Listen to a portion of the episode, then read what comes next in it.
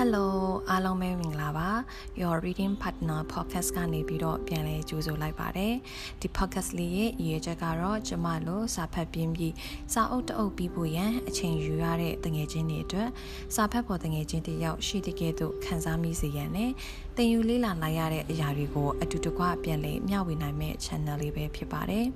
ဒီနေ့မှာတော့ကြိုတင်ကြေညာထားတဲ့အတိုင်း Curtis Leon ရဲ့ Self Discipline ဆိုတဲ့စာအုပ်အကြောင်းကိုမျှဝေပေးသွားမှာပဲဖြစ်ပါတယ်။ဒီစာအုပ်လေးဟာဆိုရင်လက်တွေ့အသုံးပြုရန်အတွက်ရေးသားထားတဲ့စာအုပ်ကလေးဖြစ်ပြီးတော့ကိုယ်စီကန်းနဲ့ကိုနေနိုင်ဖို့ရန်အတွက်ပြင်ဆင်တဲ့အခါမှာကြုံတွေ့ရတဲ့အခက်အခဲနဲ့ကြော်လွှားနိုင်မယ့်နည်းလမ်းတွေကိုမျှဝေပေးထားတဲ့စာအုပ်ကလေးပဲဖြစ်ပါတယ်။လူတိုင်းလူလူမှာမိမိရဲ့ရည်ရွယ်ချက်ပန်းတိုင်ကိုစီရှိတတ်ကြပါတယ်။ သို့ပေမဲ့လူတိုင်းကမိမိရဲ့ပန်းတိုင်ကိုတော့ရယူနိုင်ကြတာမဟုတ်ပါဘူး။ဘာလို့လဲဆိုတော့ self discipline ကိုယ်စီကံနဲ့ကိုတသက်မမတ်မနေနိုင်တဲ့အတွက်ကြောင့်ပဲဖြစ်ပါတယ်။ ကိုယ့်ရဲ့ပန်းနိုင်ကိုအရောက်လန်းနိုင်ဖို့ဆိုရင်ကိုယ့်ရဲ့စိတ်ခံစားချက်အခြေအနေနဲ့တွေးဆောင်မှုတွေနောက်မှာလိုက်မသွားမိစေဖို့ရန်အတွက်ထိန်းချုပ်တရပါမယ်။ခံစားချက်စိတ်ရဲ့ဥဆောင်ရာကိုလိုက်ချင်းထက်ကိုယ့်ရဲ့စီကံအပေါ်မှာအခြေခံပြီးနေမှသာလျှင်ဘဝကိုဥဆောင်နိုင်လာမှာပါ။ကျမတို့အနေနဲ့စီစဉ်ထားတဲ့အတိုင်းသွားနေတဲ့အချိန်မှာပင်ကြားဖြတ်ဝင်ရောက်လာမဲ့အကြောင်းအရာကိစ္စတွေကကိုယ့်အတွက်မကောင်းတဲ့နောက်ဆက်တွဲအဖြစ်ရှိနိုင်မလားဆိုတာကိုစဉ်းစားရမှာဖြစ်တယ်လို့ မျောလင့်ထားတဲ့ပန်းနိုင်ကိုအရောက်သွားနိုင်ဖို့ရန်အတွက်စိတ်သက်ခွန်အားလိုအပ်ပါတယ်။စိတ်သက်ခွန်အားဟာ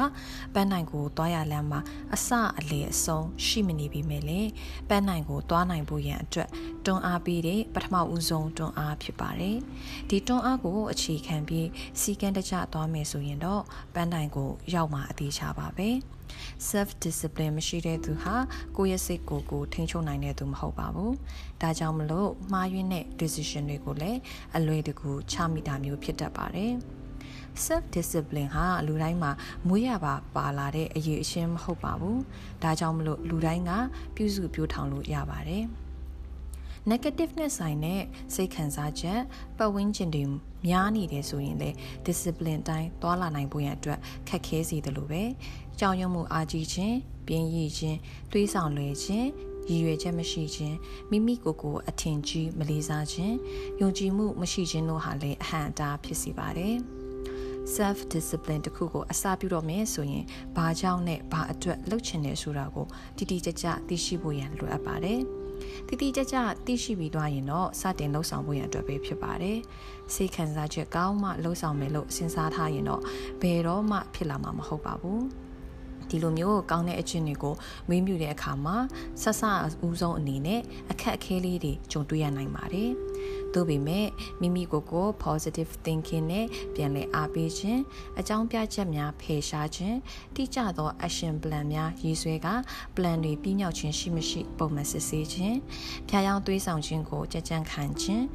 ပြုခဲ့မိတဲ့အမားတွေကိုပြန်လေတစ်မှတ်အဖြေရှာခြင်းများဖြင့်လည်းအရောက်လန်းနိုင်ပါတယ်။ဖျားယောင်းသွေးဆောင်ခံရပြီးဆိုရင်ကျမတို့အနေနဲ့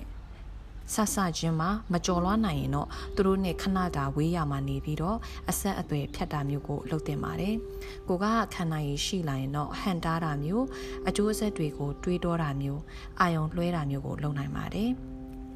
စီးမြင့်စည်းကမ်းထဲမှာပုံမှန်သွားလာနိုင်ဖို့ဆိုရင်ကိုကိုတိုင်က motivation ရှိဖို့လိုအပ်ပါတယ်။ motivation က reward တစ်ခုခုရတာကနေဖြစ်နိုင်တာကြောင့်မလို့ကိုကိုကိုဆုလက်ပေးတာမျိုးကိုကိုကို view ဆိုင်တာမျိုးအိတ်ချိန်ပြည့်အောင်အိတ်တာမျိုးစားသောက်မှုပုံစံကို view ဆိုင်တာမျိုးတို့ဖြင့် positive energy ကိုရရှိနိုင်ပါတယ် အချုပ်အားဖြင့်ပြောရမယ်ဆိုရင်တော့ self discipline ရှိဖို့ရန်အတွက် no လို့ပြောတတ်ရပါမယ် action ရှိရပါမယ် routine ထဲမှာပြောင်းလဲမှုတွေထည့်တတ်ရပါမယ် ဒီလိုဆိုရင်တော့